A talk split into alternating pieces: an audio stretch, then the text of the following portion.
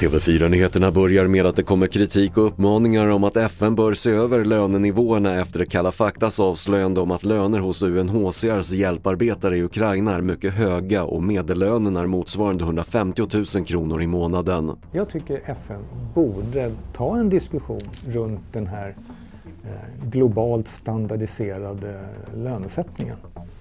Om man betalar för mycket då riskerar man, ju, riskerar man att få personer som drivs av andra saker än verksamheten också. Eh, där, där pengarna som drivkraft är liksom för stark.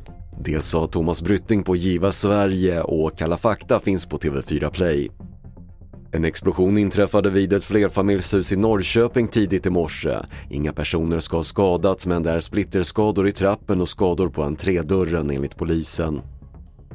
Och den 30 maj kan företag i södra och mellersta Sverige börja söka elprisstöd förutsatt att EU-kommissionen godkänner regeringens ansökan om stödet. Företagen kan få ersättning för elförbrukningen mellan oktober 2021 till och med september förra året.